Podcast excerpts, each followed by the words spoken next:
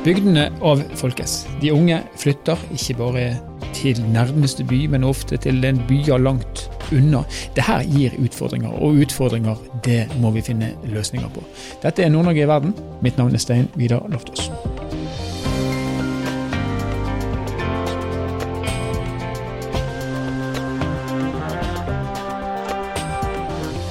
Befolkningen i Nord-Norge den går ned, og den blir eldre. Og Det er forska mye på hvorfor, og enda mer på hva vi må gjøre for å motvirke det. Men vi sliter med å finne svarene. Nylig har Demografiutvalget levert sin rapport til eh, distriktsministeren. Og nå har vi med oss Jonas Stein, førsteamanuensis ved Universitetet i Tromsø her hos oss. Velkommen til oss, Jonas. Takk for det. Du, du er altså medlem av Demografiutvalget. Og aller mm. først, hva er Demografiutvalget? Nei, vi er da et utvalg som har lagd det vi kaller en norsk offentlig utredning, eh, som har handla om demografien. Og, eh, og demografien er jo egentlig folk. Hvordan befolkningsstrukturen ser ut. Hva har skjedd de siste årene, og hva vil skje i fremtida. Eh, og hva er konsekvensene av de endringene vi ser. Og Nå har dere levert en rapport helt nylig, det var vel i, mm. i forrige uke dere gjorde det. Og hva, sånn helt kort, hva er, hva er hovedfunnet deres i den rapporten? Nei, altså Hovedfunnet vårt er jo at vi, eh, vi ser at um, man kanskje kommer til en slags eh, bunn i folketallet. Vi tror, ikke, vi tror det vil, folketallet vil holde seg relativt stabilt i uh, distriktskommunene i årene som kommer. Men uh, den dårlige nyheten er at uh, rundt det vil holde seg, er for at det blir veldig mange, mange flere gamle der. Eh, og det gir en del utfordringer når det gjelder velferdstjenester, eh, fordi de har mer behov for det, rett og slett. Men Hva er grunnen til at de unge velger å flytte? Ja, og eh, Grunnen til det er jo at mange unge allerede har flytta, ja. eh, så det er ikke så mange igjen å flytte. Og Det er jo derfor du derfor vi ikke tror at migrasjon vil påvirke så mye. Men problemet da, hvis du får veldig mange som blir igjen, de har behov for eh, hjemmetjenester, de har behov for sykehjemstjenester, de har behov for en del tilrettelegging. Eh, og du kan også skape et skille da, og en konflikt mellom eh, de som bor i byen, og som blir avsnørt fra resten av landet. Eh, og det er en eh, farlig utvikling for landet, for Norge, eh, og derfor også vi har kalt denne eh, NOU-en 'Det handler om Norge'. Men du sier, Nå bruker du ordet farlig, og jeg så i, i rapporten deres at det sto en plass, i hvert fall en plass, at utvalget mener det er viktig å opprettholde bosetning i distriktene. Mm. Hvorfor mener vi det er viktig? Nei, Vi er jo opptatt av at vi skal ha et land som henger sammen. Eh, det er store næringsinteresser for, for AS Norge. Eh, mye verdier som skapes i distriktene. Eh, og det skal henge sammen, landet, rett og slett. Det å ha et samfunn der hvor det er et enormt skille mellom by og land, det er en samfunn som, som går i oppløsning. Og det har vi sett mange andre steder. at det er Eh, et for stort skille mellom det urbane og rurale befolkninga får en del politiske konsekvenser, får konsekvenser for næringslivet, får konsekvenser for tillit mellom, eh, mellom hverandre. Så det her er en, en måte da å, å um, vi tror, tror Fra et samfunnsperspektiv så er det fornuftig for Norge å gjøre tiltak for å motvirke det. Men Du sier at det er mye verdiskapning som skjer i distriktene, og det har du selvfølgelig helt rett i. Men når dere ser på migrasjonsmønsteret, mm. hvis jeg kan bruke et sånt begrep, mm. eh, den, ser vi den samme utviklingen på de stedene der man har høy verdiskapning, som de stedene der verdiskapningen er lavere? Ja, og det er jo nettopp et av de eh, paradoksene som både denne NOU-en og den forrige NOU-en som, som, kom en måned før. Det kan si at næringsliv er viktig, altså det betyr noe. Det er ikke at det ikke betyr noe for hvor folk velger å bo seg, men hovedmotivasjonen til folk er ofte andre ting enn bare jobb. Mm. Så det handler om mer om hvordan hvordan, altså et forslitt begrep som bolyst, eller hva som skal til, og ha insentiver for å, for å gjøre ting. Man skal ha mer enn bare jobb. Det er bare å se på Nord-Norge i uh, tida før korona. Det var tidenes laveste arbeidsledighet. Mm. Og fortsatt opplevde man at betydelig beflytting fra landsdelen. Og det som holdt noenlunde befolkningstallene i gang, det var motorene Tromsø og Bodø, og så var det immigrasjon fra Øst-Europa. Mm.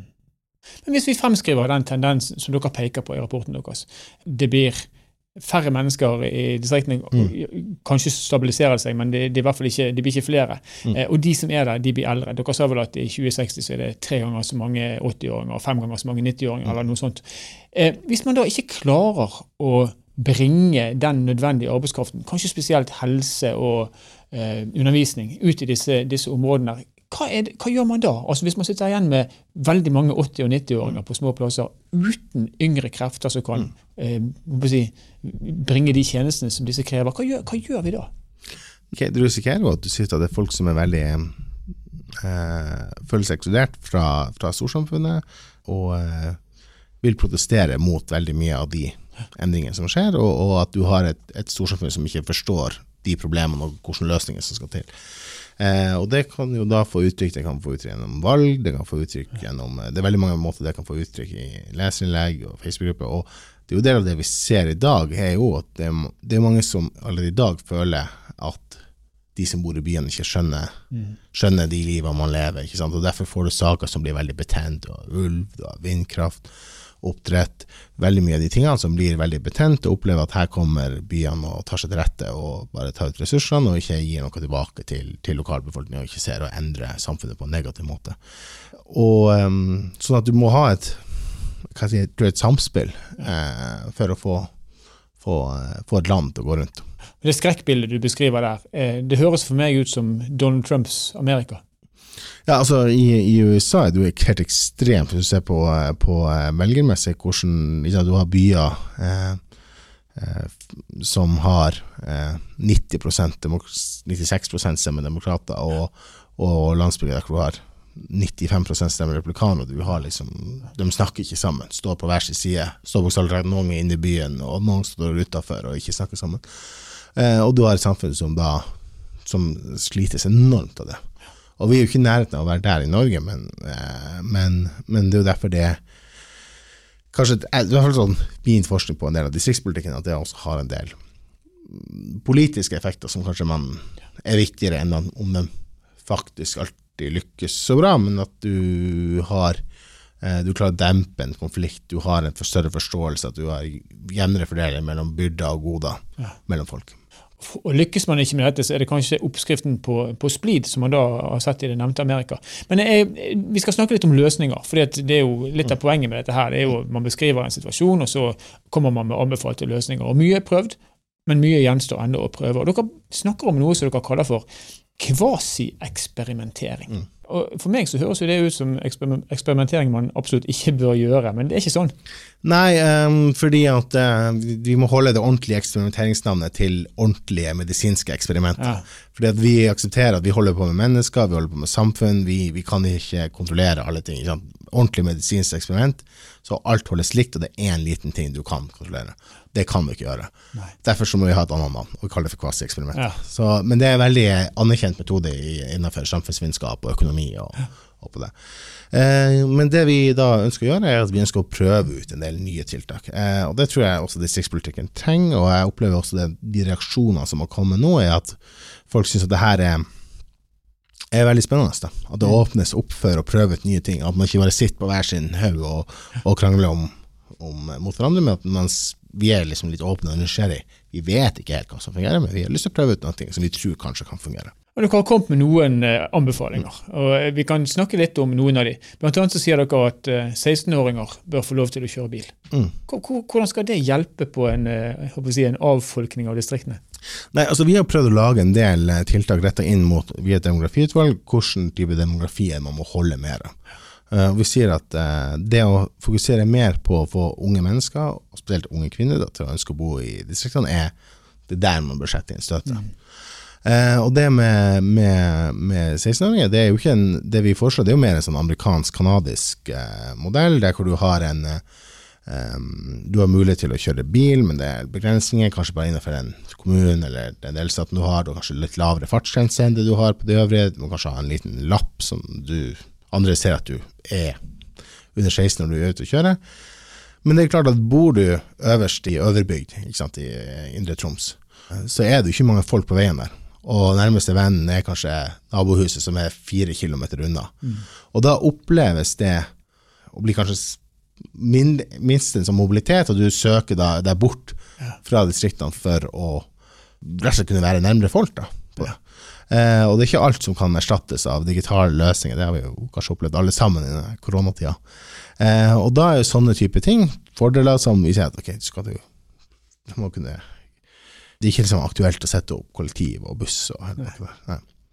Så hvorfor ikke? Prøv det. Her, her, er det, altså, her skal man ikke skyte ned de dårlige ideene. Det, men det er kanskje det som er substansen i, i Kvasi. Men eh, dere kommer også med andre helt konkrete forslag. Helt kort, hva, hva er det de forslagene går ut på? Nei, et av de tiltakene som jeg har mener jeg er veldig interessant å prøve ut, det er f.eks. gratis barnehage og SFO. Det er såpass få barn at det er ikke snakk om enorme penger for samfunnet, men det er snakk om veldig mye penger for de som faktisk er det.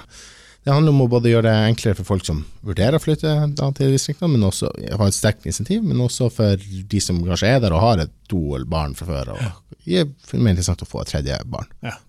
Og det er jo klart at du, sånn som barnehageregninga er nå, så er det jo 3500 i måneden.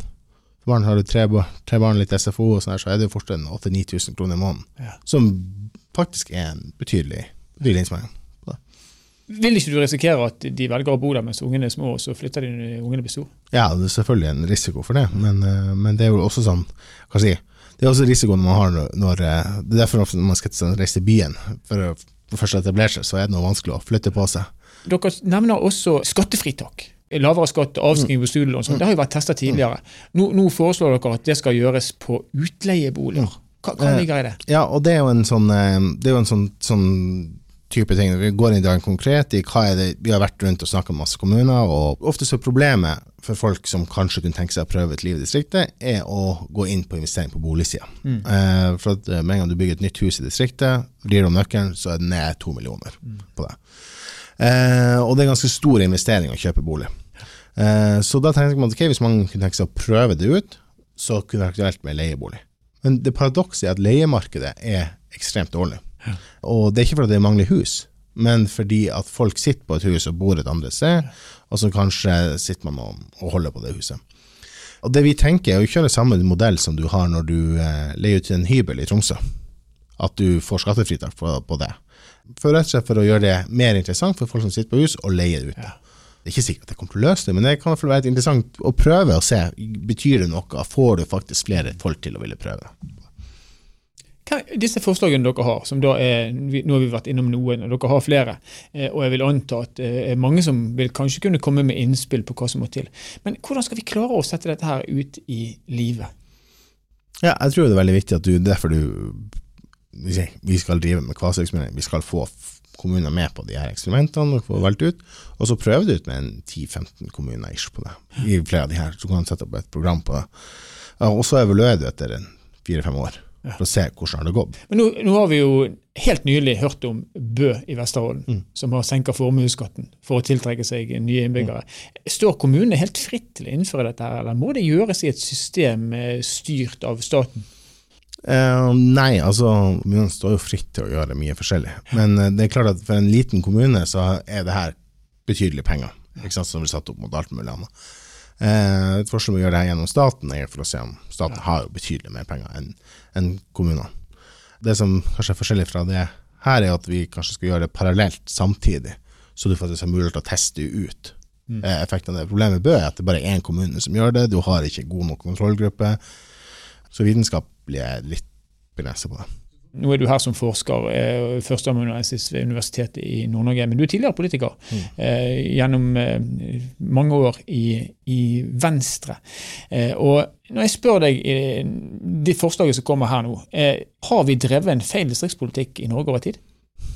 Ja, altså, jeg tror det her, eh, det vi egentlig ser er at mye av distriktspolitikken er jo lange trender, og det, det har ikke så veldig mye med hvilken regjeringsfarge vi har hatt. Eh, men det som har kanskje vært litt, men jeg har vært litt feil, at man har kanskje vært litt for, litt for opptatt av eh, med brede tiltak, Ja. som trengs hele befolkninga i distriktene, og kanskje litt for mye på, på generelle næringslivslettelser.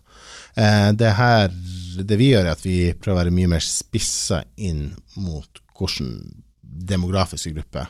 Og nå ser vi at det der holder på å skje noen sånn trender som vil bli ganske dramatisk. Eh, så jeg tror du må mye mer spissa inn mot de type gruppene. Eh, og der tror jeg ikke egentlig noen politiske partier har vært gode nok, da. Nei. Men jeg syns jo det er interessant at hvis du ser mottakelsen har blitt kommentert av politiske partier, eh, som syns at det her er veldig veldig interessant idé. Så jeg håper jo det er flere politiske partier og, som, som, er interessert i det. Og så er det her selvfølgelig viktig for hele Norge, fordi at Norge består av veldig mange små eller mindre steder. Mm. Eh, men hvis vi ser på Nord-Norge, da, vår egen landsdel. Mm. Hvor, hvor, viktig er det for Nord-Norge og nordnorsk økonomi i et eh, langt perspektiv at vi lykkes med å bygge ned avstanden mellom distriktene og, og storkommunene? Nå tenker man at Nord-Norge, Hvis man tenker sånn økonomi i Nord-Norge, så er jo Nord-Norge er jo en er jo en økonomi som i veldig stor grad avgrad av naturressurser. Liksom, oppdrett, av, av energier osv. Eh, og da må det jo ofte være folk som bor der, eh, for å ta, både ta ut gevinstene og ta ut eh, og, og reinvestere i det. Så det og nesten jeg tror alle nordnorske kommuner bortsett fra ti vil kunne være si, mottakere av de her type tiltakene. Eh, så, eh, så, da vil det jo være, bli mer, mer attraktiv. Og Nord-Norge trenger mer, trenger mer, folk, mm. rett og slett. Det, det som har vært, den, trenden, den utviklingstrenden har vi også sett over tid. At det har blitt stadig færre nordlendinger. Eh, så det her er, tror jeg er ting som kan være er det bra. Og Faren er selvfølgelig at når folk forlater distriktene, så drar ikke de nødvendigvis til nærmeste nordnorske by. Ofte drar de til Oslo eller Trondheim eller Bergen eller utlandet. ja, ja, og det er det mange liksom, som er redd for. Altså, vært opptatt av Tromsø og Bodø, Tromsø suger og Bodø osv. Men så hadde det ikke vært for Tromsø og Bodø, så ville det vært dramatiske tall for Nord-Norge. Det, det, er jo de byene og studiebyene som Tromsø, Bodø og Alta som har vært motorene de siste 30-40 årene. Eh, og vært en slags motmakt mot den Oslo-sentraliseringen. Den store sentraliseringa i Norge går jo til det sentrale østlandsområdet. Mm. Eh, og det er jo ikke bare, bare, Oslo, men det er jo også liksom, Nå har du begynt med de her drabantbyene utafor. Ja, Lillestrøm og Nannestad og Jessheim og Asker Bærum og Drøbak. Og, og det, folk flytter jo ikke dit fordi at Eh, de gjør jo vanlige jobber der også. Mm. Det er jo ikke sånn at de store er sånn, de, alle jobber i, liksom på Stortinget eller i departementet. Det er noen lærere og sykepleiere. Mm. Vanlige folk med vanlige jobber. Eh, og det er de man trenger. Og hvis vi går tilbake til debatten, det vi egentlig påpeker i utvalget, at vi trenger flere folk som vi jobber med å drive velferd og jobbe med næringsliv. Eh, det er en ting til som jeg har tenkt litt på nå under koronatiden. Vi har brukt hjemmekontor på en helt annen måte enn før. Og det har vist seg at det har vært mulig å jobbe nærmest hvor som helst ifra. Tidligere når vi har snakka om distriktspolitikk i Norge, så har det også vært snakk om å flytte statlige bedrifter ut i distriktene. Burde offentlig forvaltning nå benytte muligheten å flytte ut enkeltarbeidsplasser til distriktene? En av de tingene vi faktisk foreslår i dette utvalget, er at vi foreslår eksperimenter med sånne type statlige huber, altså kall det Statens hus, eller hva du vil kalle det for. Der hvor du har enkeltarbeidere eller enkle avdelinger som, som kan være samlokalisert. Så staten er ekstremt silotenkende på liksom, Statens vegvesen er der, Mattilsynet er der, osv. Man ser ikke ofte huber sammen. Jeg tror at alle har behov for et visst fellesskap, sjøl om du kan gjøre veldig mye på hjemmekontor. og jobbe flere på hjemmekontor. Så det er foreslått at du får flere sånne typer huber, som da også kanskje vil bli Det blir jo litt lett sentralisering i distrikt, men tenk om du kan ha noe i Nordreisa for Nord-Troms, eller du kan ha noe i. Indre Troms på Setermoen eller Bardufoss, eller hva det er. Så, så vil jo det være at folk kan bo rundt omkring, og sånn de fire-fem arbeidsplassene. Og det er jo et konkret forslag som kommer i denne NOU-en. Og Det er et eksperiment som bør være ganske enkelt å sette ut i, i livet. Du, Helt til slutt, Jonas. Eh, dere sier, eller i hvert fall så leste jeg i en kronikk eh, du, eh, du, har skrevet, at eh, om, altså i 2060 så er vi fem, tre ganger så mange 80-åringer som vi er i dag. Og Hvis ikke jeg har regna helt feil, når vi kommer til 2060, så begynner du å nærme deg 80, du også. Mm. Hvor kommer du til å være i 2060? Nei, Jeg tror at flere og flere kommer til å begynne å dele tida si rundt omkring. Og uh, man er jo litt opptatt av hvor barna og barnebarna er når på det, men uh, forhåpentligvis så håper jeg at det er godt i livet og koser meg i Tromsø. Se der. Det der. Den som lever til 2060 får se. Tusen takk for at du kunne være med oss, Jonas Stein, første amanuensis ved Universitetet i Tromsø, Norges arktiske universitet.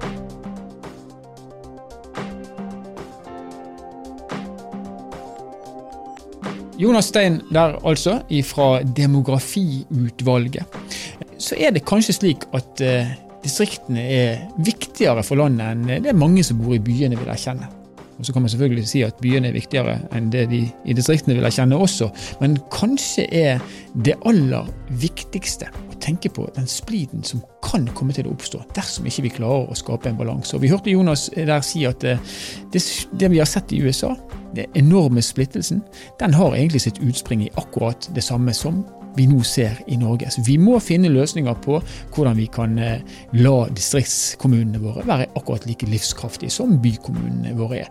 Og løsningene finnes. Nå skal vi teste, bruke tid på kvasieksperimenter, og et sted ned i veien så har vi kanskje løsningene som skaper god balanse også der.